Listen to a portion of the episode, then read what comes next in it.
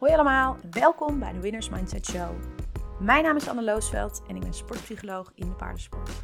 In deze show ga ik in gesprek met ambitieuze wedstrijdruiters over wedstrijdspanning, presteren onder druk en doelen stellen. En hoe zij omgaan met tegenslag, kritiek of angst.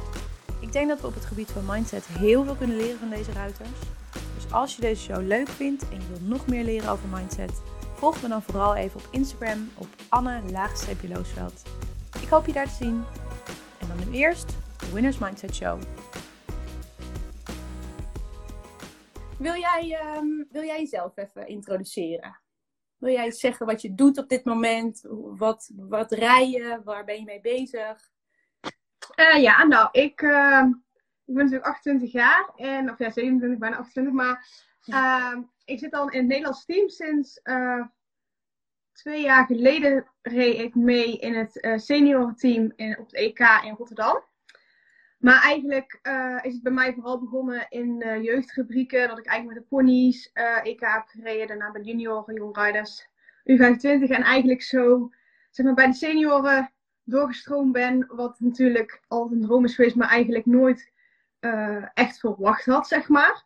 Ja. En ehm, ja, ik denk als je gaat kijken bijvoorbeeld naar het uh, uh, talentenplan, bijvoorbeeld, waar heel veel mensen heel graag altijd in willen zijn. En uh, wat natuurlijk voor de meesten een begin is. En voor mij ook altijd een begin is geweest, dan denk ik dat je uiteindelijk, ja, de stappen die ik gemaakt heb, zeg maar, dat is uiteindelijk hetgeen wat je wil. Maar het is wel ook een beetje geluk hebben, denk ik. En het is vooral ook heel hard werken geweest. En ehm, ja, niet altijd heel makkelijk. Dus ik denk dat ik ook wel misschien wat tips kan geven. Want ik heb zelf ook echt wel heel veel meegemaakt waar ik mezelf af en toe een keer bij tegen ben gekomen, zeg maar. Het is niet zo dat ik uh, stalen zenuwen altijd heb gehad, zeg maar. Maar ik heb er wel mee leren omgaan. Ja, en, en dat is denk ik ook uh, waarom dit zo leuk is om dit uurtje zo eens even daarover te kletsen. Want hè, je hebt natuurlijk best wel veel volgers. En veel mensen zien, zien bij jou natuurlijk een prachtig plaatje. Het lijkt alsof het allemaal, hè, eigenlijk die hele carrière zo uh, supergoed uh, bent, bent doorgekomen. Um, en ik vind het juist heel leuk ook om te laten zien um, ja, dat, het, dat het heel hard werken is. En dat het soms ook heel zwaar is en heel moeilijk is. En ja. hè, dat je toch ook veel tegenslagen hebt. Want dat heeft iedereen. Maar het lijkt soms zo aan de buitenkant zo, zo mooi. Ja, nee, dat klopt zeker. Want uh, ik word heel vaak gebruikt als voorbeeld van dit, zo wil je het, zeg maar. Als je in het begin van het talenteam komt, dan wil je deze stappen maken, kijk maar ja. naar haar. En dan ja. denk ik, maar bij mij is het alles behalve vanzelf gegaan. Dus uh, ja, het lijkt achteraf heel mooi, maar het is zeker niet altijd mooi geweest. Nee. Um, hey, maar Anne, want jij zegt, het is eigenlijk, het is ook best wel uh, moeilijk geweest. Um, kun, je, kun je ons daar eens in meenemen? Wat, hoe, hoe zag dat er voor jou uit? En, en waar liep jij vooral tegenaan? Uh, nou ja, kijk, als je dan uh, echt teruggaat naar de ponytijd, zeg maar. Uh, eigenlijk op het moment dat ik gewoon, uh, zeg maar, bij de basissport reed, dus gewoon B tot met Z, heb ik er nooit echt heel veel last van gehad. Of in ieder geval, toen deed ik gewoon een soort van mijn ding. En ja. toen ik Z2 reed, toen ging het eigenlijk best wel snel van. dat ik op een gegeven moment een pony had waar ik mee uh, eigenlijk vrij snel in het A-kader kwam, terwijl ik niet echt wist wat, wat, het, wat het betekende en wat het was. Ja. Dus wij kwamen, omdat ik natuurlijk op dat moment ook nog eigenlijk uh, deed springen. Dus het was een beetje een soort van, wij waren nooit echt met het moment bezig van EK rijden. En dus het was een beetje per ongeluk gegaan dat ik dus in één keer in het A-kader zit. En als je dan een beetje van geproefd hebt, dan wil je in één keer meer. En dan wil, en toen ja. werd ik het eerste jaar reserve voor het EK, omdat ik eigenlijk gewoon heel last minute overal een beetje bij kwam. en um, maar ja, het jaar daarna wil je wel echt, zeg maar, EK gaan rijden. En toen kwamen er wel echt de zenuwen bij, zeg maar. En um, toen had ik ook echt wedstrijden dat ik... Um, toen had je nog niet echt observatiewedstrijden zoals nu. Dat je zeggen van, oké, die wedstrijden zijn heel belangrijk. Daar kijken we naar. Maar dan had je eigenlijk een beetje dat je zoveel mogelijk wedstrijden moest rijden. Zoveel mogelijk goede punten. En dan um, ja, werd je misschien geselecteerd voor het EK. Nou, en toen ging ik, ik weet nog precies dat ik naar een wedstrijd ging en dat ik gewoon zo'n buikpijn had. Of ja, voor mijn gevoel andere buikpijn als normaal. Dus ze dachten ook echt wel dat ik iets soort van mankeerde. Omdat Oh, ja. ik gewoon niet eens meer kon doorzitten, zo'n pijn. En Oh. toch naar die wedstrijd gereden. Ging echt voor helemaal voor geen meter. Nee. En uiteindelijk waren we thuis en toen was het weg. Dus toen dacht ik, oké, dit was echt wel gewoon door de zenuwen. En, Zenuwen, maar ja. Echt extreme pijn eigenlijk gehad. En terwijl je ook zelf denkt, ja, ik ben helemaal niet zenuwachtig. Ik ben totaal niet zenuwachtig, dus daar ligt het sowieso niet aan. Maar toen we wat dingetjes op, op een rijtje gingen zetten, toen eh, dachten we, nou oké, eh, misschien omdat er gewoon zoveel druk en dingetjes bij komen kijken, is het wel gewoon slim om een, eh, misschien een keer met sportpsycholoog te gaan praten. En dat ben ik toen gaan doen. Ja. En dat heeft me echt enorm geholpen. Want kun je eens vertellen wat je daar hebt geleerd? Dus je kwam eigenlijk met de vraag van ik ben, ik ben best wel toch zenuwachtig voor belangrijke wedstrijden. En wat heb je, Ja. wat heb je geleerd? Nou ja, kijk, het ik, wat ik wel moeilijk vind is, eh, ik was toen 13 of zo. En Jong ook, dan- Ja, en als ze dan met van die termen komen, ja, je zit daar en je weet eigenlijk totaal niet Nee. van niks. En, eh, dus ik vind het heel lastig om te zeggen, nou, dat heb ik, dat dat heb ik allemaal precies geleerd. Ik heb wel heel veel geleerd, maar ik bedoel, van heel het proces weet ik zeg maar niet mega veel meer af. In de zin van, ik weet wat oefeningen en zo. En bepaalde oefeningen, die zijn blijven hangen. En die gebruik ik nu bijvoorbeeld nog steeds. Maar het was bij mij, eh, dat zijn bijvoorbeeld de ademhalingsoefeningen. En dat ik van die oefeningen heb dat ik bijvoorbeeld eh, m- ja, een beetje mijn focus terugbreng. En weer aan de belangrijke dingen denk in plaats van met de dingen eromheen bezig ben, zeg maar. Ja. En bij mij was het ook wel een beetje van ehm, dat ik eigenlijk toen mijn sessies zeg maar bijna klaar waren en mijn ponytijd een soort van op zat. Oké, toen had ik wel EK gereden, maar ehm, dat ik echt iets had van waarom rij ik eigenlijk paard? En toen dacht ik, nou, ik doe het eigenlijk echt wel gewoon omdat ik het leuk vind. En toen is een soort van knop omgegaan en Oh ja. kon ik ook alles een soort van goed toepassen. Ja. Ik weet niet, bij mij was het echt in één keer een switch, omdat ik dacht, nou oké, nu ben ik, heb ik eigenlijk mijn jaar gegooid. En het is een soort van niet gelukt. Ja. En dan denk ik, wat is het allemaal waard geweest? En dan, omdat ik Ja. gewoon stront zenuwachtig was. En toen dacht ik, ja, misschien moet ik er gewoon weer van gaan genieten en doen waarom ik het deed. Ja. ja, dat is wel mooi dat je dat zegt ook. Hè? Want ehm, je zegt eigenlijk dat de eerste, hè, toen je dus voor het eerst die EK's ging rijden, eh, dat je dus dat eerste jaar eigenlijk heel weinig eh, wedstrijdspanning had.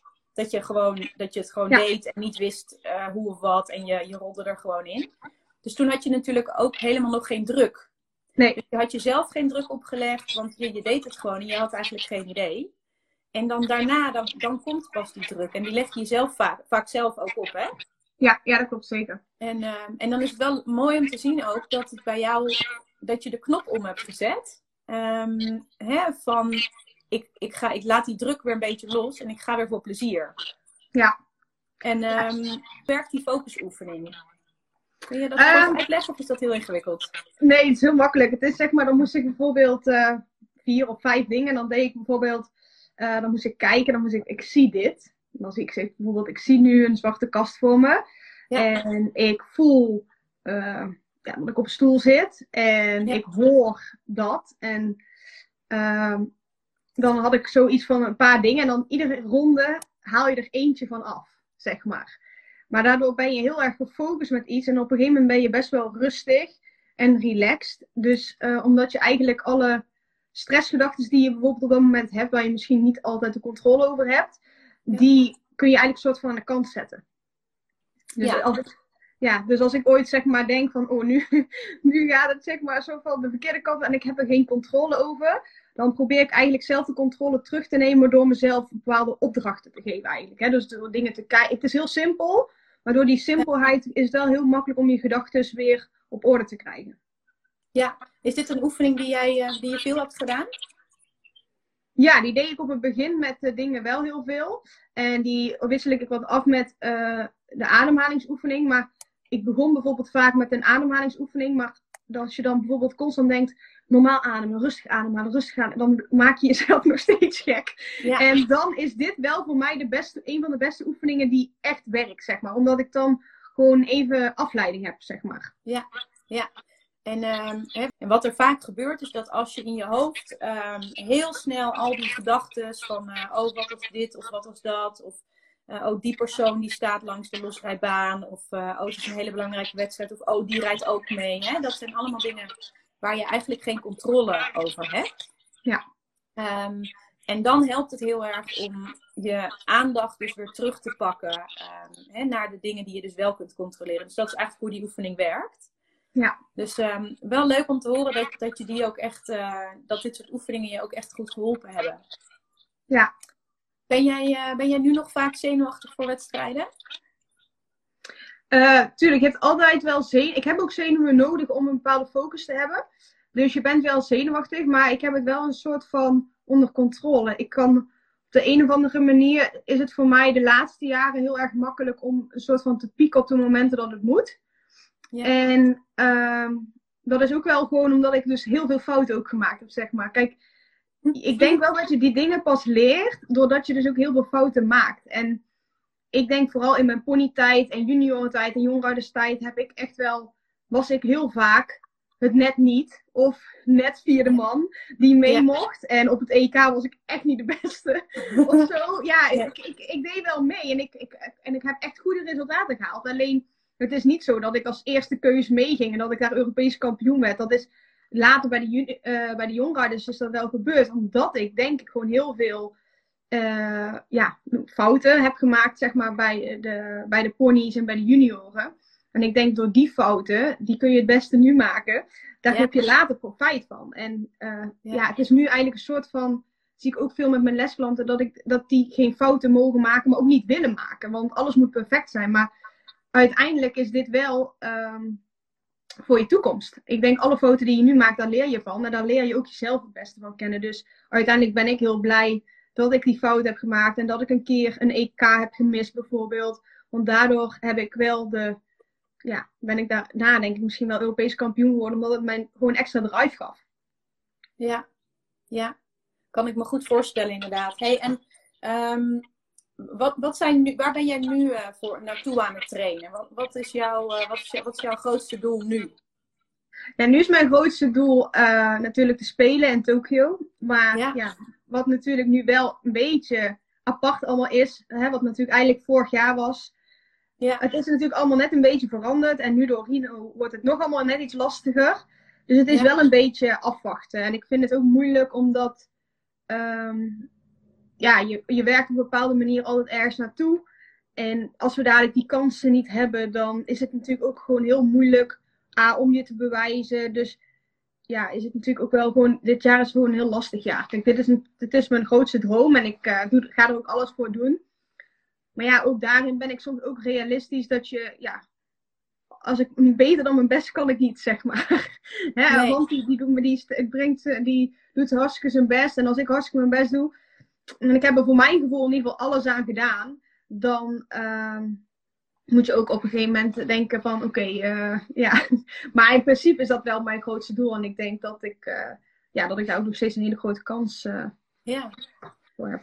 En, en hoe, hoe ga je dan om met die druk? Want ik kan me voorstellen, hè, je hebt dat paard in een, in een stal staan, dat je daar, uh, je, je bent er zo, ja, eigenlijk bij, zo dichtbij. En, en alles met die spelen moet natuurlijk allemaal maar net precies bij elkaar passen, dat het allemaal klopt. Ja. Um, hoe, hoe, hoe ga je met die druk om? Hoe, hoe ga je met die spanning ook om? Of zeg je gewoon echt, ik heb er gewoon plezier in en ik zie het wel? Nou ja, kijk, alleen plezier, alleen plezier is natuurlijk niet genoeg. Nee. Uh, nee, daar hoort echt wel een heel management en dingen bij. En uh, tuurlijk, het is een bepaalde druk. Uh, mensen verwachten ook wel dat je meegaat, omdat je natuurlijk al in het team zat. En dus het brengt ook een hele erg druk met zich mee. Uiteindelijk doe ik het voor mezelf, dus die, dat blijft altijd het belangrijkste. Mijn paard staat altijd op nummer 1, dus dat vind ik ook heel belangrijk. Ik ga niet kosten van mijn paard bepaalde keuzes maken omdat ik daar dan weer te veel van mijn paard, zeg maar, hou. Yes. En ja, je ziet ook gewoon soms dat, er, dat je bepaalde keuzes moet maken in, in de topsport. En dat zijn soms best harde keuzes. Maar voor mij is, uh, ja, mijn paard is gewoon het allerbelangrijkste. En ik doe in ieder geval alles wat voor hem het beste is. En kijk, wat voor mij bijvoorbeeld dingen zijn, is dat ik bijvoorbeeld vorig jaar een uh, trainerswissel heb gedaan omdat ik uh, wist, ik zat, oké, okay, ik zat in het team en het is goed. En ik heb echt sprongen gemaakt afgelopen jaar. Ja. Maar ik voelde gewoon ergens dat er gewoon een heel klein stukje nog, ja, zeg maar voor mij onbekend terrein was. Maar wat ik zelf niet in kon vullen, maar waar ik wel naar op zoek was. En vandaar ben ik een beetje gaan zoeken en kijken. En ja, kreeg ik dus ja, eigenlijk ja, toch de kans om Guardian te rijden. En toch een opening om eigenlijk bij, ja, ik denk een van de beste trainers van Nederland, van de wereld zelfs, uh, te trainen. Ja. En dat heeft mij denk ik wel het laatste stukje gegeven wat ik nodig heb om, zeg maar, uh, ja, dat laatste stukje wat ik miste in de proef of qua ervaring of dingetjes die ik dacht van oké, dit kan echt nog wel beter. Uh, ja, ik denk dat ik dat nu wel gevonden heb. Kijk, als ik naar mijn eigen proeven zeg maar keek en wat dan waren eigenlijk mensen altijd heel erg tevreden en dan dacht ik ja, maar toch ik denk dat het gewoon nog beter kan. En je hebt uiteindelijk iemand nodig die je uit blijft dagen. En dat je denkt van, als iemand zegt ja, het is goed. En jij denkt, nou, ik denk dat het nog beter kan. Ja, dan moet je op een gegeven moment ook weer een stap verder. En ik denk dat dat dus heel belangrijk is. Dat je gewoon heel erg, ik blijf heel erg mezelf ontwikkelen. En verder ben ik ook heel erg uh, bezig dat ik in ieder geval zorg dat ik zelf fit ben. Dat mijn paard fit is. Dat die dingen in ieder geval kloppen. Dat ik niet denk achteraf, had ik maar uh, dat of dat gedaan. Ik wil er in ieder geval voor zorgen dat ik er zelf alles aan gedaan heb. En dan, uh, kun, ja, dan kan je jezelf ook eigenlijk niet de schuld geven als het daar niet lukt. Want dan zijn er gewoon betere bijvoorbeeld. Ja. Maar als het dan wel lukt, dan heb je het ook echt zelf gedaan. En uh, dan kun je ook echt zo trots zijn. Ja, want hoe, hoe ga jij om met de onzekerheid van, um, hè, van het toetrainen naar die spelen, terwijl je eigenlijk nog niet weet ja, of ze überhaupt doorgaan en in wat voor vorm en hoe dat dan allemaal eruit zou, zou zien?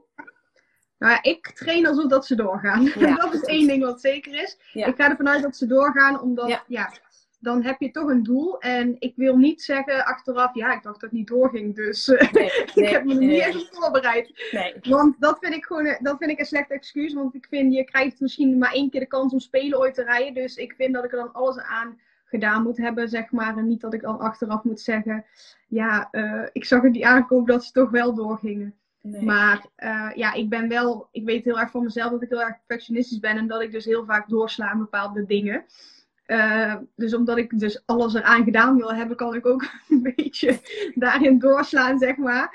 Maar iedere keer kom ik daar toch wel mezelf weer tegen en denk oké, okay, Anne, dit gaat echt wel weer veel te ver. dat ik gewoon bij spreken zo doorsla in een bepaalde oefening, dat ik hem er uiteindelijk mezelf zo onmogelijk maak, dat ik hem gewoon niet meer uit kan voeren. Gewoon niet meer op de makkelijkste manier, zeg ja. maar. En, maar ja, door die fouten leer je wel. En dat zijn wel de dingen die, uh, waar ik me uiteindelijk achteraf voor mijn hoofd kan slaan. Dat ik denk, oh, waarom? Kun je niet even een keer... Maar uiteindelijk, uh, ja, denk ik dat je die dingen ook wel nodig hebt. En dat je ook wel die dingen moet herkennen. Dat je in ieder geval altijd naar jezelf kijkt. En niet altijd denkt, ja, maar die zei dat en die zei ja. dat. En die zei ja. dat het beter moest. Ja. Ik denk, ja, maar ik heb, zit er zelf op. Dus ja. ik echt aan mijn eigen. Ja. Hey, en stel nou hè, dat je zo'n zo'n oefening um, hè, zo vaak inderdaad zo ingewikkeld en zo moeilijk hebt ge gemaakt. Uh, en, en je bent hem even helemaal kwijt. Um, hoe ga je daar dan mee om? Want uh, dat zul je zelf ook vast herkennen en je, met je, van je eigen lesklanten. Dat er veel ruiters toch wel um, nou ja, moeilijk vinden als oefeningen mislukken. He, dus ze zetten een oefening in en hij gaat echt niet goed of, of het mislukt helemaal. Um, hoe ga jij daarmee om? Nou ja, ik vind, um, nou, als iets dus fout gaat, uh, het is in ieder geval belangrijk dat je gewoon, bijvoorbeeld als je les hebt, dat de communicatie goed is met je trainer. Als je het niet begrijpt en, en dat je dus zomaar ergens aan begint en dat het daardoor fout gaat, ja. omdat je zelf maar iets aan het doen bent, kun je eigenlijk alleen maar jezelf de schuld geven. Dus ga eerst, eerst sowieso naar je trainer. Want als ik soms, uh, bijvoorbeeld, ik heb dat ook wel eens, dan doe ik een oefening en dan denk ik, ja, chef wil dat ik hem zo en zo uitvoer. En dan ga ik dat doen en dan doe ik nog, en dan zegt hij heel dat, ja, oh, maar ik weet niet waar je, dit, dit, is niet, dit is niet goed, dit is niet goed, want dit is niet wat ik bedoel. Ja. En, dan, en dan, dan zet ik hem ook gewoon stop en dan zeg ik, ja, hoe moet het dan?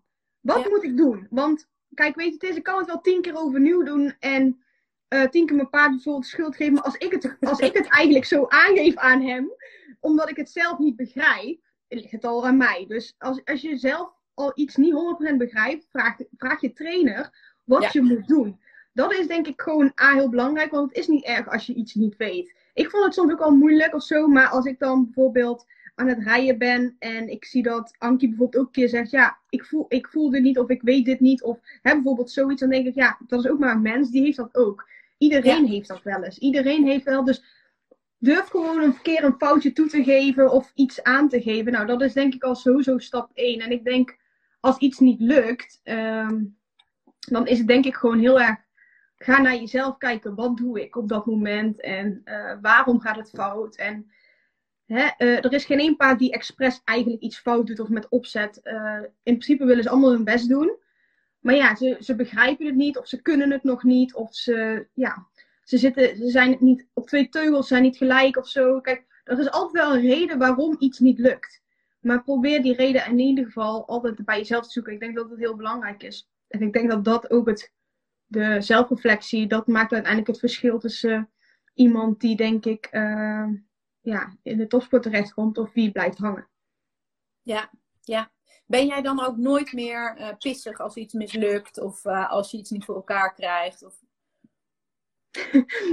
Natuurlijk, ik ben ook wel eens uh, een keertje boos, maar dan ben ik boos ja. op mezelf, niet op, niet op iemand anders. Want, nee. Maar meer dat je boos op jezelf bent. En dat is ook niet erg. Of ja, kijk, maar je moet het zorgen dat het niet over, overgaat aan je pony of naar je paard. En als je boos bent of je bent je geduld kwijt, kun je beter gewoon even gaan stappen. En denken van even in en uitblazen. En als je weer soort van normaal bent, dan, weer, ja. dan dat je dan weer opnieuw begint. Want uh, ik zeg altijd, je moet eigenlijk niet met emotie rijden. Want zodra je met emotie gaat rijden, dan... Uh, in de, ja, emotie in de verkeerde zin, zeg maar. Hè, dus met uh, dat je boos wordt of dat je ongeduldig of... Uh, dan, dan ga je handelen uit emotie. En dat zijn vaak grote handelingen of handelingen waar je niet de totale controle over hebt. Dus dan beginnen bijvoorbeeld mensen te trekken en te schoppen. Ja. Terwijl het paard daar niet echt uh, nee. ja, degene is die, die, ja, nee. die kan er niet echt iets aan doen. En nee. dat zijn vooral momenten dat je, uh, dat, je, ja, dat je heel erg moet opletten. En dat je vooral moet denken, oké, okay, diep in en uitademen. Ja. Eerst nadenken. En dan... Uh, ja, de volgende stap weer zetten, zeg maar. Ja, ja mooi. Goede tip ook, denk ik, uh, voor de mensen die nu uh, kijken. Want ik denk dat we het allemaal wel herkennen. Dat we af en toe een keer een paard een, uh, een poor te veel geven. Die meer vanuit onze eigen frustratie komt dan, ja. dan, dat het paard echt dat nodig heeft op dat moment. En het is niet zo dat ik dat nooit gedaan heb. Hè? Tuurlijk, ik heb dat ook wel ooit gedaan. Ik voelde ja. me daarna wel heel schuldig. Ja, ja. ik heb echt wel eens af en toe gehad dat ik gewoon uh, drie uur bij mijn paard in de stal ging zitten. Om hem een soort ja. van te troosten. Omdat ik dacht dat het dus heel erg was als ik, dat ik hem dus een schop uh, veel had gegeven. Ja. En, ja. Maar ja, als je, ik denk, uh, als je dat al hebt, dat is in ieder geval al stap één. En dat je dat dan in ieder geval al gaat herkennen. Want weet je, we maken allemaal fouten. Alleen, ja, ja ik, uiteindelijk dit soort fouten, die wil je in ieder geval niet te veel maken bij je paard. Omdat dat natuurlijk voor je paard gewoon echt niet fijn is. Alleen als je het gewoon al gaat herkennen, dat is al gewoon heel belangrijk. Ja. Kun jij goed fouten maken zelf? In de zin van, uh, sta je jezelf toe om, om te oefenen en om fouten te maken en om daarin te leren? Ja, ik maak eigenlijk, um, het is een beetje dubbel, omdat um, ik zeg maar, als ik train, bijvoorbeeld bij chef en zo, vind ik het heel lastig om fouten te maken, omdat ik het idee heb uh, soms dat ze, ja, ik wil dan alles perfect doen, dat ze denken van, oh, hè, die zit, die zit bijvoorbeeld ja. op Guardian. En ja, uh, ja. dan, dan durf je eigenlijk geen fouten te maken, omdat je niet wil dat ze denken, oh, wat, wat een mislukkeling heb ik op mijn paard gezet, zeg maar, hè, zo.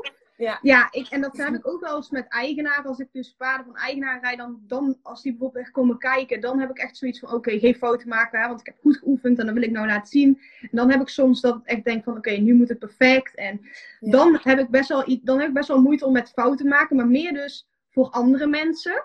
Omdat ik dus dan eigenlijk soort van niet af wil gaan of dat ze niet het vertrouwen in mij verliezen.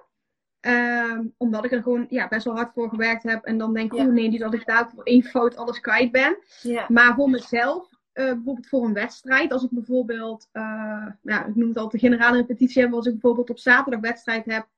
Dan ga ik op vrijdag bijvoorbeeld de proef rijden. Dan wil ik eigenlijk zelf altijd heel veel fouten maken. In de zin van, ik kan ze maar gemaakt hebben. En moeten weten hoe ik ze op moet lossen. En dan ja. vind ik het totaal niet erg om fouten te maken. Dan vind ik het eigenlijk fijn. Want als het te goed gaat, ben ik altijd soort van bang dat ik denk, oh, als morgen iets komt en je weet niet hoe het op moet lossen, dan heb ik het liever dat ik ze vandaag al gemaakt heb. Dus ja. dat is een beetje, zeg maar, het dubbele eraan. Uh, dat ik voor mezelf wil ik eigenlijk wel fout maken, omdat ik gewoon zoveel mogelijk wil leren. Maar ja, weer tegenover andere mensen wil ik soort van heel, ja, heel goed mijn best doen. En dan ben ik eigenlijk wel weer heel bang om fouten te maken. Ja. En wat gebeurt er dan? Uh toch veel ruiters het lastig vinden om, uh, hè, om inderdaad paarden voor eigenaren te rijden. Ehm, of als er hè, grote, grote namen aan de kant staan en die staan te kijken, dan wil je het toch vaak extra goed doen. Hoe, hè, jij bent je dus heel erg bewust hier al van, dat je, hè, dat je dan dus extra goed je best doet. Heb je verder tips voor de mensen die nu kijken hoe je specifiek met dat stukje omgaat? Dus zijn er dan dingen die je bijvoorbeeld tegen jezelf zegt, om jezelf dan weer een soort van uh, rustig te krijgen of weer bij je paard te krijgen? Um, ja, nou ja, op dat moment, ik probeer altijd gewoon een beetje te denken, doe gewoon uh, wat je altijd doet. En focus op het rijden. En focus je dus niet op de. Als ik eenmaal dus aan het rijden ben en bijvoorbeeld op wedstrijd, dan ben ik nooit eigenlijk heel erg bezig met wie er langs de kant staat. Dat zie ik ook eigenlijk nooit. Omdat ik dan zo hè, nee. gefocust ben.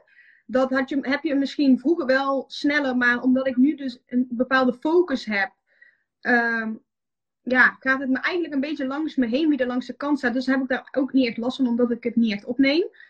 Maar uiteindelijk, ik denk dat dus ook het proces er van tevoren heel erg belangrijk voor is. Want als je eenmaal op paard zit en je bent dan bezig met, degene, met iedereen die langs, uh, langs de ring staat, dan ben je afgeleid. En ik weet niet of je dan soms nog de tijd hebt om het weer helemaal terug te halen. Omdat je, ja, je losrijden is natuurlijk toch ook maar een bepaalde uh, ja. tijd, zeg maar, dat je ervoor uittrekt. Trekt. en dus ik denk dat het heel erg belangrijk is om van tevoren te weten hoe je je voorbereidt om in een bepaalde focus te komen. En dat je dan ook ja. bijvoorbeeld een fijn team om je heen hebt die zorgt dat je in die focus kunt blijven. Ja. En dat je gewoon met je ding bezig blijft. En ik denk ook dat als je eenmaal aan het rijden bent, dan moet je ook gewoon daarmee bezig zijn, want daar ben je ook voor gekomen. En ik denk dat ik daar dat dat het makkelijkste, ja, ik moet het denk ik ook een beetje simpel houden in de zin van, oké, ik, ik, ik, zit op paard en daar ben ik mee bezig. En ik denk dat je dan weer niet te veel met andere dingen bezig moet zijn, omdat, uh, ja, dat haalt je focus uiteindelijk weg. Ja.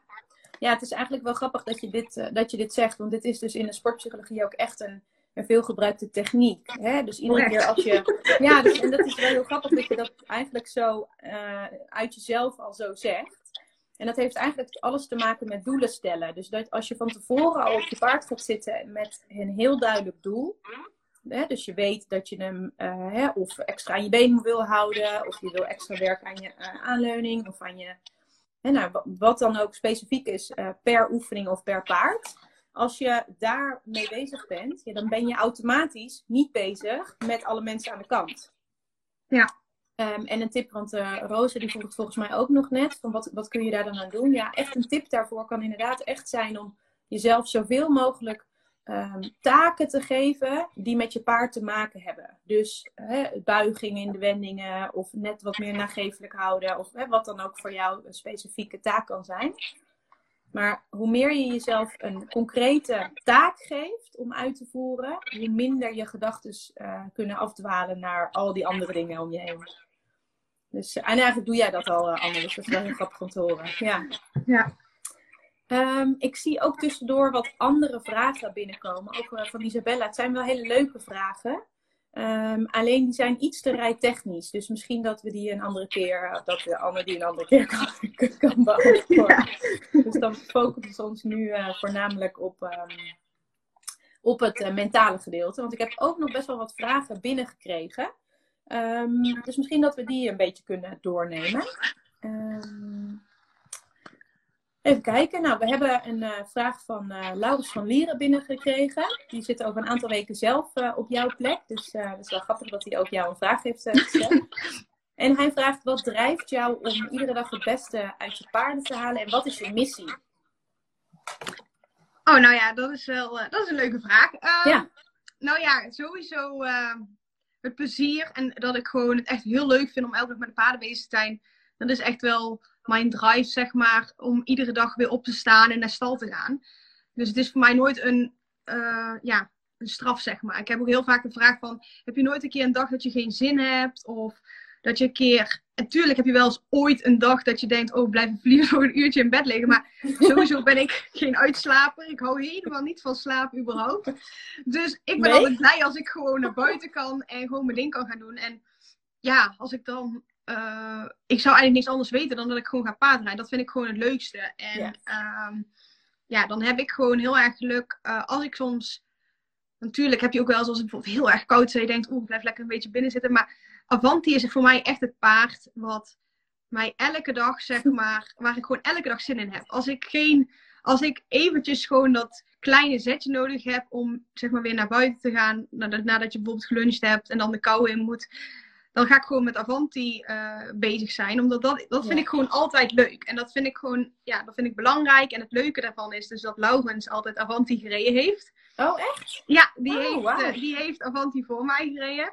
Dus dat is eigenlijk wel heel erg leuk. En ehm, ik denk dat ook nooit niemand had verwacht dat Avanti eigenlijk zo goed zou worden. Dus dat maakt het natuurlijk ook nog extra leuk. Ehm, maar uh, ja, ik denk dat dat gewoon, de, ja, dat ik me nooit echt hoef te motiveren, omdat ik het gewoon A, heel erg leuk vind.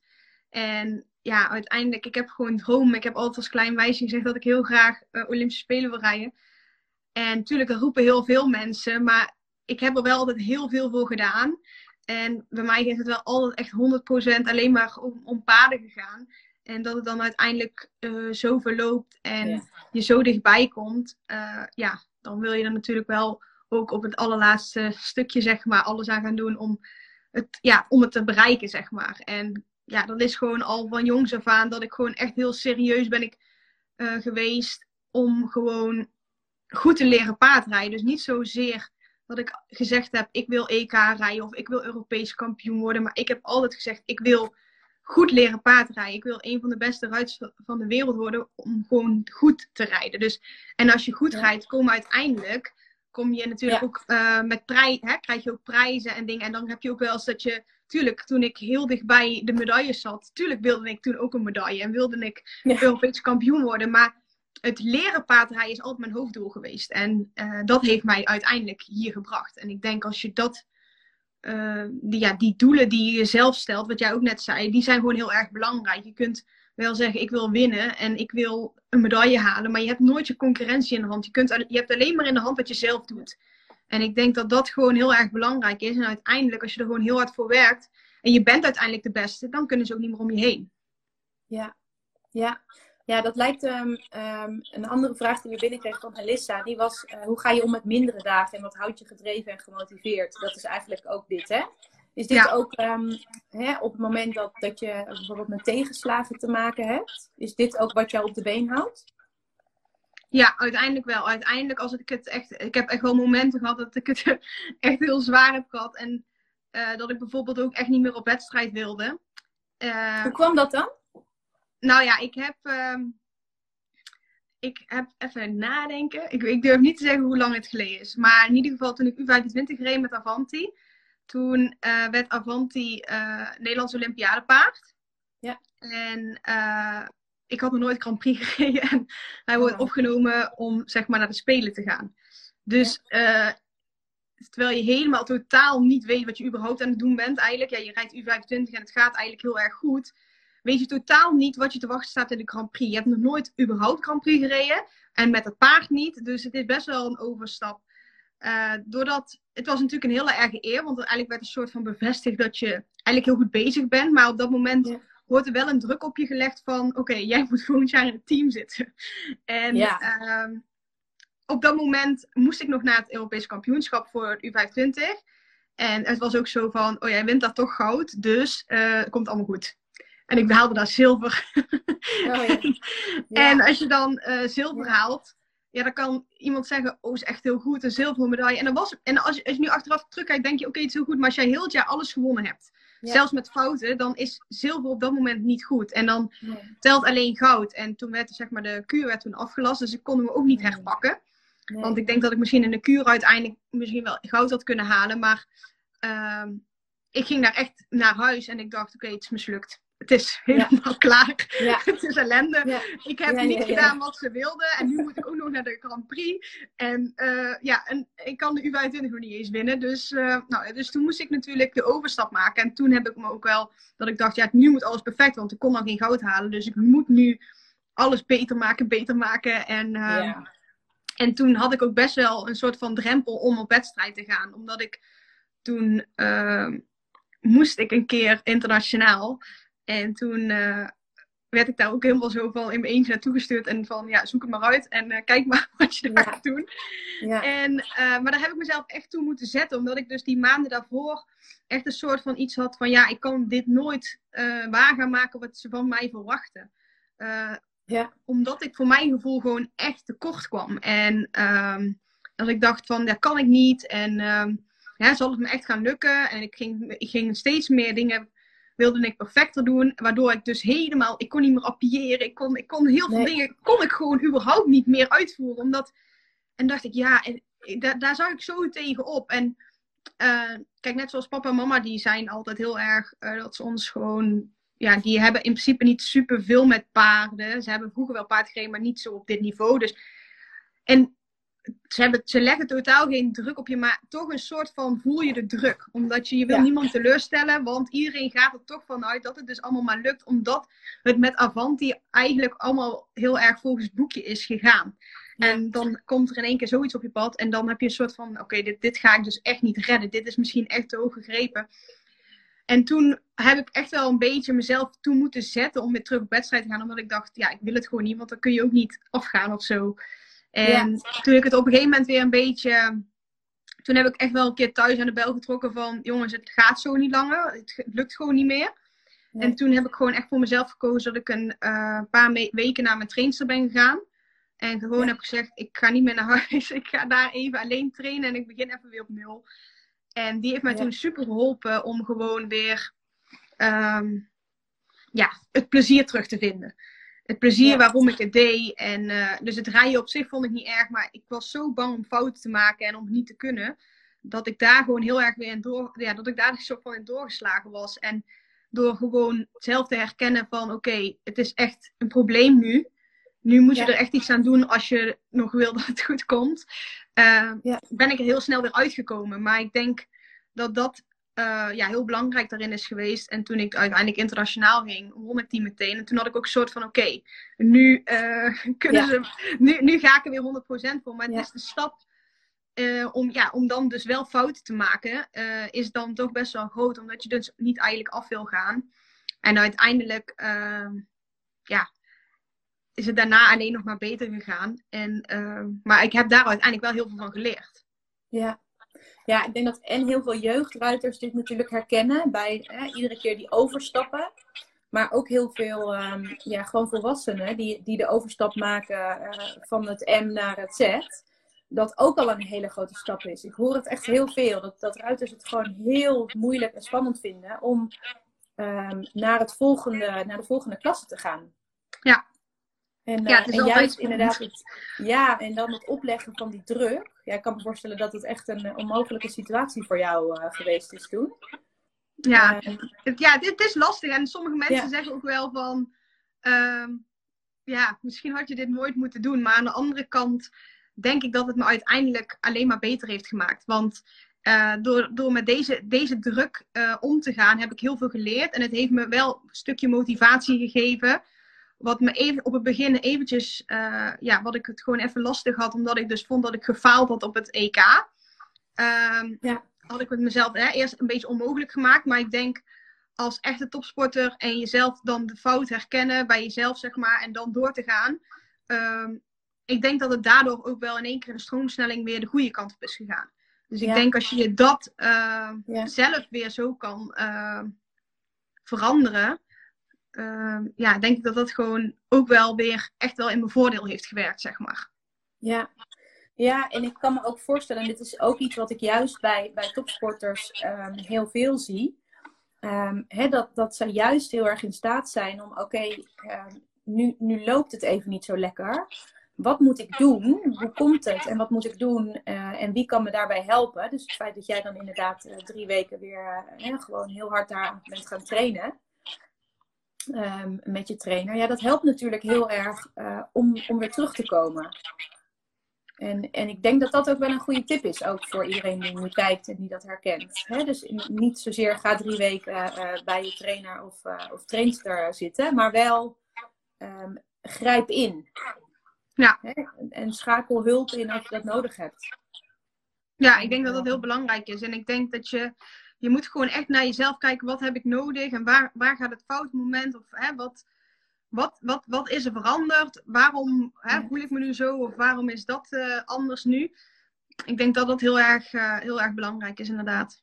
Ja, ja, wel ook mooi dat je dat ook zo eerlijk wil delen. Want dit zijn ook juist de dingen uh, die je normaal gesproken niet ziet aan de buitenkant. Nee, dat klopt. En dat is ook wel lastig, want het is soms ook een beetje, hè, wat moet je delen, wat moet je niet delen als topsporter, omdat je bent ook bang dat ze je op je zwakke plekken pakken, zeg maar.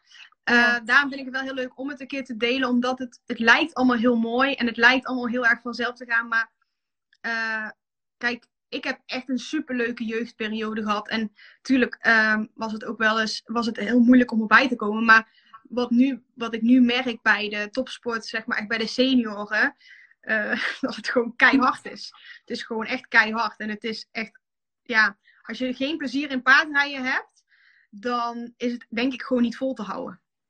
Dus uh, het is echt wel heel erg belangrijk dat je het denk ik sowieso doet om de juiste redenen. Want uh, het lijkt inderdaad heel erg mooi. En, maar ja, ergens een medaille halen weegt niet op tegen alle ellende die je soms zeg maar vooraf hebt.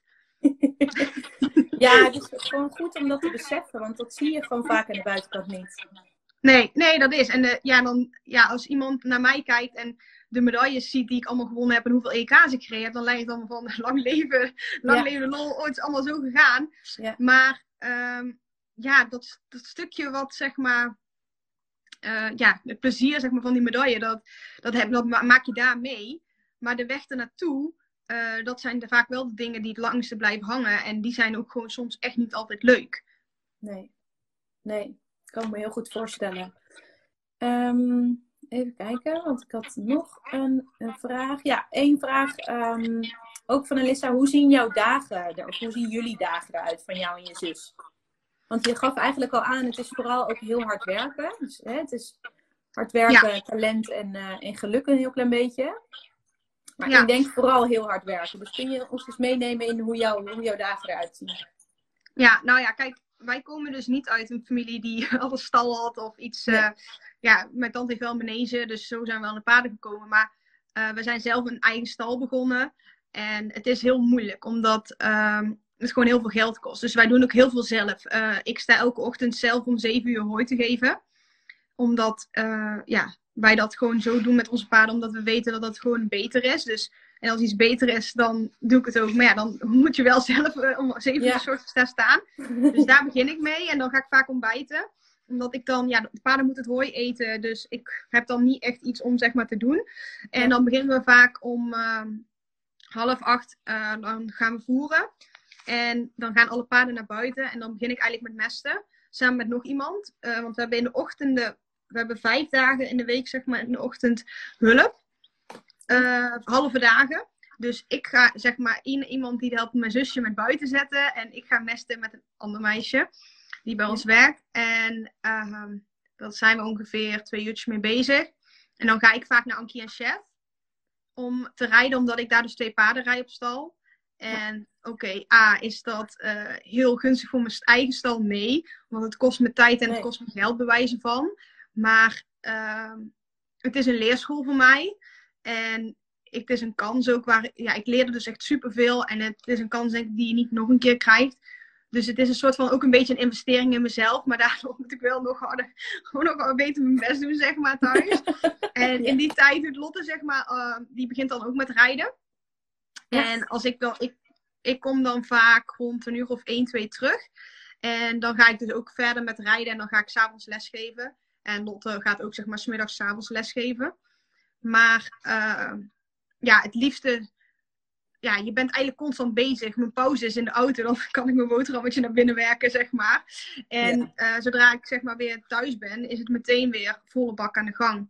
En tussendoor moet je nog voeren, moet je nog hooi geven. Ja. Uh, wij doen paarden zelf op en afzadelen, want ik heb, ja, het is niet zo dat onze stal zo goed loopt dat we nog meer personeel kunnen hebben. Of dat, het, dat we bijvoorbeeld iemand hele dagen in dienst kunnen nemen die onze paarden op en af kan zadelen. En ja. tuurlijk, ik zou ook, ik denk dat er geen Grand Prix ruiter is in mijn, op mijn niveau die zelf staat te mesten. En tuurlijk, ik wil dat ook liever niet. Maar zeker nu en zeker in coronatijd is het gewoon even niet anders. Want ja, het liefst sta ik dan bijvoorbeeld, ja. in plaats van dat ik dat uurtje mest, sta ik in de sportschool. En ja. dat zijn wel dingen die ik, uh, ja, waar, waar, kijk, waar ik ook wel ook een beetje mee bezig ben.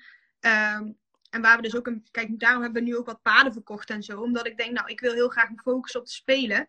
En ik wil gewoon uh, naar de sportschool kunnen als ik. Uh, als, ik hè, als dat moet, omdat ik fit moet zijn. Ja. En dan moet ik daar ook de tijd voor kunnen maken. Dus zo hebben we dus ook, daarom hebben we ook wel wat paden verkocht. Omdat ik dan weer iets minder les hoef te geven. Omdat ik dan in die tijd weer naar de sportschool kan.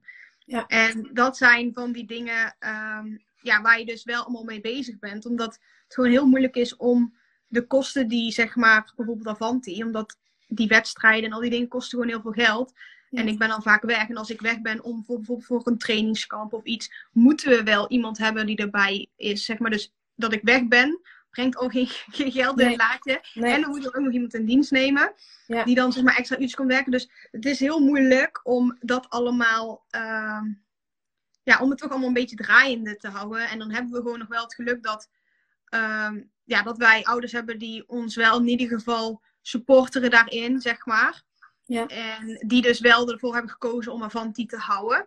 Ehm, want eh, dat is dus het geluk. Anders had ik bijvoorbeeld Avanti moeten verkopen. Maar Lotte en ik hebben alle twee de... eh, wij, wij doen de stal zeg maar helemaal. Maar we hebben alle twee de luxe dan... Dat we één paard voor onszelf voor de wedstrijden mogen houden. Dat we dus wel een soort van... Omdat we wedstrijdrijden gewoon ook heel erg leuk vinden. Ja. Maar verder rest moeten we wel... eh, ja, is de rest wel voor de verkoop. Ook Ja. al vind je dat soms niet leuk. Ik heb laatst ook een heel goed paard moeten verkopen. ja. Eh, maar ja, om, om die stal wel draaiende te houden. Maar daardoor hebben we wel, we werken er super hard voor, maar dan heb je wel als beloning zeg maar ervoor terug dat ik dus Avanti eh, ja, Ja. nooit meer kwijt. niet meer weg hoeft. Ja. Ja. Ik kan me voorstellen. Hoeveel paarden hebben jullie op stal staan? We hebben 17 paarden op stal staan. Oh ja, dus Ja. dat is nog best wel wat als je 17 stallen moet, best, eh, moet doen. Ja. Ja. Ja. Ja. Ja, ik denk ook hier weer, Anne, dat het echt een mooi verhaal is. In de zin van, dit zie je natuurlijk niet. Aan, hè, aan de buitenkant. Wij zien niet Nee. dat jij daar om zeven uur eh, die beesten hooi staat te geven. En tot s'avonds laat eh, aan het lesgeven bent. En, eh, Nee.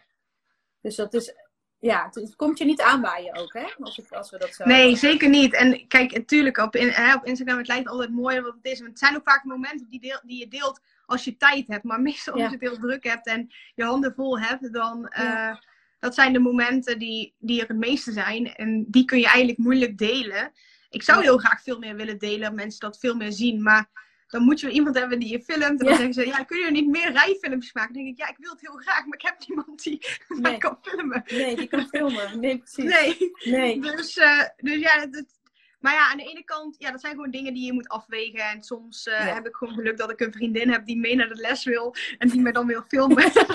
en dan heb ik een filmpje op Instagram. Ja. Maar eh, ja, ik denk dat dat wel. ja, dat zijn gewoon dingen die, die je gewoon echt in de gaten moet hebben. En ik denk dat het heel belangrijk is eh, dat als je denkt, ik wil in de paard, dat je eerst eens een keer een jaar of ergens stage gaat lopen, omdat je dan pas ziet ehm, hoe hard werk het is. En het zijn ook gewoon heel veel rotklusjes. Of ja, ik merk dat heel vaak mensen het Ja. rotklusjes vinden, maar ik vind het niet erg om een stal te vegen. Ik vind het leuk. Ik, maar er zijn er heel veel die dat niet leuk vinden hoor. Dus als Nee. je dat dan niet leuk vindt, dan denk ik, ja, dat moet je iedere dag wel tien keer doen. Dus, Ja. dus dan wordt het heel zwaar. Dan vind je het leuk, ja. Nou, het wordt het een heel ellendige tijd eh, op stal. ja, dat denk ik ook. Ja. ja. Hey, nog één eh, laatste vraag. Ehm, ik zie ook nog wat vragen eh, binnenkomen, ook over, over Rino. Ehm, maar laten we het een beetje bij het mentale houden. Al vind ik het wel een, een hele interessante vraag, Mieke. Ehm, even kijken, wat hadden we nog meer? Oh ja. Ehm, ben je vaak bezig met wat andere mensen van je denken? Ehm, nou, daar hadden we natuurlijk al een klein beetje over gehad. Maar krijg je, krijg je veel kritiek? Hoe ga je om met kritiek? Dus het kan inderdaad op Ja. social media zijn, maar ik kan me voorstellen dat je best wel wat over je heen krijgt af en toe. Ja, nou, ik, heb, ben, ik eh, klop het af, maar ik heb echt de luxe dat ik dus niet eh, afgebrand word. Net Oh ja. zoals eh, Ja. veel collega's die echt nog wel echt met de grond gelijk gemaakt worden. Ja. Ehm, ik probeer eigenlijk, ik ben heel eerlijk, ik lees het allemaal niet. Ik lees het niet van mijn collega's, ik lees het van niemand. Nee. Eh, ja, dat ik, ik, ik hou daar heel erg. Ik, ik plaats wat ik zelf wil plaatsen en wat ik leuk vind. En Ja. ik heb het geluk dat ik er nu nog, dat ik nog niet echt eh, reacties van mensen krijg. Maar ik probeer het ook niet te lezen, want ehm, soms krijg ik wel eens, oh Anne, je hebt een slechte reactie daarop. En eh, het fijne is dat vaak veel media dingen ook wel gewoon de echte slechte reacties weghalen. Maar uh, ik, ik gun deze mensen ook niet mijn aandacht. Want ik vind dat totaal niet nodig. Ik heb zelf ook totaal niet de behoefte om mijn mening over iedereen te geven. Ik vind als je ergens het niet mee eens bent, nou dan zet je het af. Als ik een programma, een tv-programma niet leuk vind, ga ik dat niet op Facebook zetten. Nee. Dan zet ik gewoon de tv uit. Ja. ja of ga naar een andere zender. Maar uh, ik, ja, ik vind niet dat ik, dat ik dat met heel de wereld moet delen. Want ik denk, ja, iedereen heeft een andere smaak. En we doen allemaal ons best. En daarom vind ik het wel leuk om dus met, uh, ja, via social media te laten weten aan iedereen van hoe goed we met onze paarden bezig zijn. En uh, hoeveel liefde we ervoor hebben. Dat mensen ook gewoon zien um, ja, wat voor mensen wij zijn achter de sport. Omdat de sport natuurlijk heel hard is. En je kunt van iedereen een slechte momentopname maken. En um, je kunt over iedereen iets slecht zeggen, want niemand is perfect. En ik vind dat gewoon, ik denk als je de mensen erachter ook een beetje kent en het verhaal erachter, dan begrijpen mensen het misschien ook sneller. Kijk, en ik vind als iemand dus op, ja, gewoon stomweg op één foto uh, helemaal los kunnen gaan, dan denk ik, ja, mensen, jullie weten helemaal niet wat er van voor, vooraf, ja, helemaal van vooraf, ja, allemaal gebeurd is, zeg maar. Dus ik vind dat, uh, ja, ik probeer er eigenlijk gewoon nul aandacht aan te besteden. Want uh, dan denk ik, ja, ik heb wel iets beters te doen. ik ga mijn vader lekker verzorgen. ja, ik ga met Avanti wandelen. Het is goed. Ja. ja. Nee, ik kan me dat heel goed voorstellen. En uh, ik denk ook wel dat het een mooi advies is ook voor veel mensen. Want ik hoor het namelijk best wel vaak dat mensen toch wel heel erg bezig zijn met, ehm, met alle ellende die ze, of via social media, maar ook hè, veel haat en nijd bijvoorbeeld op stal of op wedstrijd onderling. Um, en dat veel mensen zich daar dus wel heel erg druk over kunnen maken en een slapeloze nachten van kunnen hebben. Maar ik denk ook dat je dat dan zelf ook niet aan mee moet doen. Kijk, je zult voor mij nooit een reactie op iemand anders zien. Dus ook misschien omdat ik, ja, het is misschien ook soms een beetje tikkeltje egoïstisch, dat ik, ik heb daar ook helemaal geen zin, zin in om overal op te reageren. Of ja, ik, ik kijk heel veel en ik like dingen, maar ik, ja, ik laat niet zo snel een reactie achter. Maar ik vind als je, zelf, als je zelf over andere mensen praat, ik denk altijd als iemand tegen mij heel uh, negatief over iemand is, dan denk ik als je dadelijk bij iemand anders staat, doe je dit ook over mij. Ja. Dus uh, ja. ik denk dat je ook gewoon naar je. Kijk, je, als je het zelf niet wil, moet je ook zelf niet zulke reacties uh, plaatsen. Dus, ja. maar dat is, dat is vooral hoe ik erover denk, zeg maar. Ja, nee, maar ik, je, je, je, ja, je lacht er een beetje om. Maar ik denk dat het super wijze woorden zijn eigenlijk. En, en ik vind het wel grappig om te, om te zien, want er heel, op heel veel vragen Ehm, zag je eigenlijk heel veel soort van natuurlijke antwoorden van jou, die gewoon echt ja, uit je hart kwamen. Gewoon precies zoals, zoals jij het ook echt uh, vindt. Ehm, maar ik denk dat dat voor heel veel mensen uh, best wel um, inspirerend ook is. Ik denk dat je wat dat betreft echt een, uh, een heel mooi voorbeeld bent van nou ja, hoe je met de sport bezig bent, hoe je met je paarden bezig bent. ja, en eigenlijk ook nog eens in het leven staat. Dus, ja, uh, ja ik, ben misschien soms iets te eerlijk en te open en zo, maar aan de ene kant dan uh, weet je wel wat je aan mij hebt, zeg maar. Ja, maar wel heel positief en heel, ja, uh, ja gewoon een fijne, positieve vibe. Dus ik denk dat, ja, vind ik wel leuk om te zien ook. Ja, knap. En ik denk dat dat je ook in de sport ver brengt. Ja, ja, ik probeer in ieder geval altijd positief te blijven. ja, ja, kan me echt goed voorstellen hey, um, we zijn bijna rond. Dus als jullie nog laatste vragen hebben, dan uh, is dit nog je kans om je vragen aan Anne te stellen. En ik zie, ik weet niet of jij dat ook ziet, maar ik zie twee, um, zeg je dat, eentjes ergens in beeld. ik denk dat dat verzoeken zijn, maar ik durfde eigenlijk niet op te klikken, want misschien ben je dan weg. Maar ik ga dat wel nu doen, maar dan heb ik het in ieder geval even aangekondigd. Oh ja, het is gewoon nog een vraag. Nou, het was de laatste vraag van Isabella. Wat was je mooiste wedstrijd? Mijn mooiste wedstrijd, ja, dat was natuurlijk het EK in Rotterdam. Uh, dat ik, het moment dat ik toen naar het eh, podium liep eigenlijk, dat was voor mij wel heel speciaal, omdat ik het heel speciaal vond dat ik überhaupt in het team zat. Um, en we gingen eigenlijk niet met de verwachting er naartoe dat we een medaille gingen halen. En als je dan zilver haalt en dus ook echt nog een medailleomgang krijgt, dan is het natuurlijk wel heel speciaal. En toen ik echt zeg maar naar het podium liep, ik heb normaal nooit dat ik dat ik snel moet huilen of zo. Maar toen had ik echt zoiets van. Oh, ik sta gewoon even mijn twee grootste, drie grootste ja. voorbeelden, zeg maar, op het podium. Normaal kijk ik nu in, eh, zeg maar, op de televisie naar hun, zeg maar. En nu sta ik daartussen. En was echt al, toen pas besefte ik eigenlijk van, het is echt gelukt of zo. Het is een soort van hetgeen waar ik zo lang over gedroomd heb. En dat is een soort van gelukt. En toen pas kwam dat denk ik echt pas binnen, zeg maar. Heel mooi. Ja, vet. Ik kan me voorstellen dat je dan wel even, even moet slikken. Ja. Ja, vet. Leuk. Nou, ik denk dat we, dat we rond zijn. Oh, dan zie ik wel weer nog een vraag binnenkomen. Oh. Nou, die hebben we eigenlijk al een beetje beantwoord. Um, over de over, ja, overstap van de ponies naar de junioren. Volgens mij ging die overstap voor jou wel redelijk makkelijk, toch? Van de po ponies naar de junioren? Ja. Ja, nou ja, trouwens, um, ik had zeg maar... Um, in het ene laatste ponyjaar had ik zeg maar EK gereden. En toen in mijn laatste ponyjaar uh, hadden we een paard gevonden. Uh, Tom Tom. En die kon... Uh, ja, dat was, die was zeven op dat moment volgens mij of acht, die was nog niet heel erg bevestigd of zo. En daar ging ik dus tegelijk zeg maar, mee op wedstrijd, terwijl ik nog eigenlijk mijn laatste ponyjaar was, maar meer om een beetje ervaring op te doen, omdat hij nog niet mega veel wedstrijdervaring had. En daar haalde ik echt alleen maar 50% Oh, ja. dus dat was echt heel slecht. Maar ook mensen zeiden tegen papa van, oh, koop alsjeblieft een keer een fatsoenlijk paard voor dit kind. het is echt heel slecht. Maar wij hadden echt allemaal zoiets van, ja, maar hij is echt goed. Maar hij kon oh, helemaal niet zo goed stappen. Maar hij was, wij vonden hem echt heel goed. En ik dacht, ja, maar toch gaat het gelukken. En uiteindelijk um, had ik toen mijn laatste ponyjaar uh, met Botti. En toen had hij zich geblesseerd, dus had ik mezelf teruggetrokken. Omdat, ja, het jaar daarna zou hij naar Lotte gaan. En uh, ja, het was toen eigenlijk kiezen van, ja, of je rijdt EK en hij is daarna kapot misschien wel. Of uh, ja, je gaat nu geen EK rijden en je hebt nog een hele fijne pony. En toen hebben wij gekozen voor.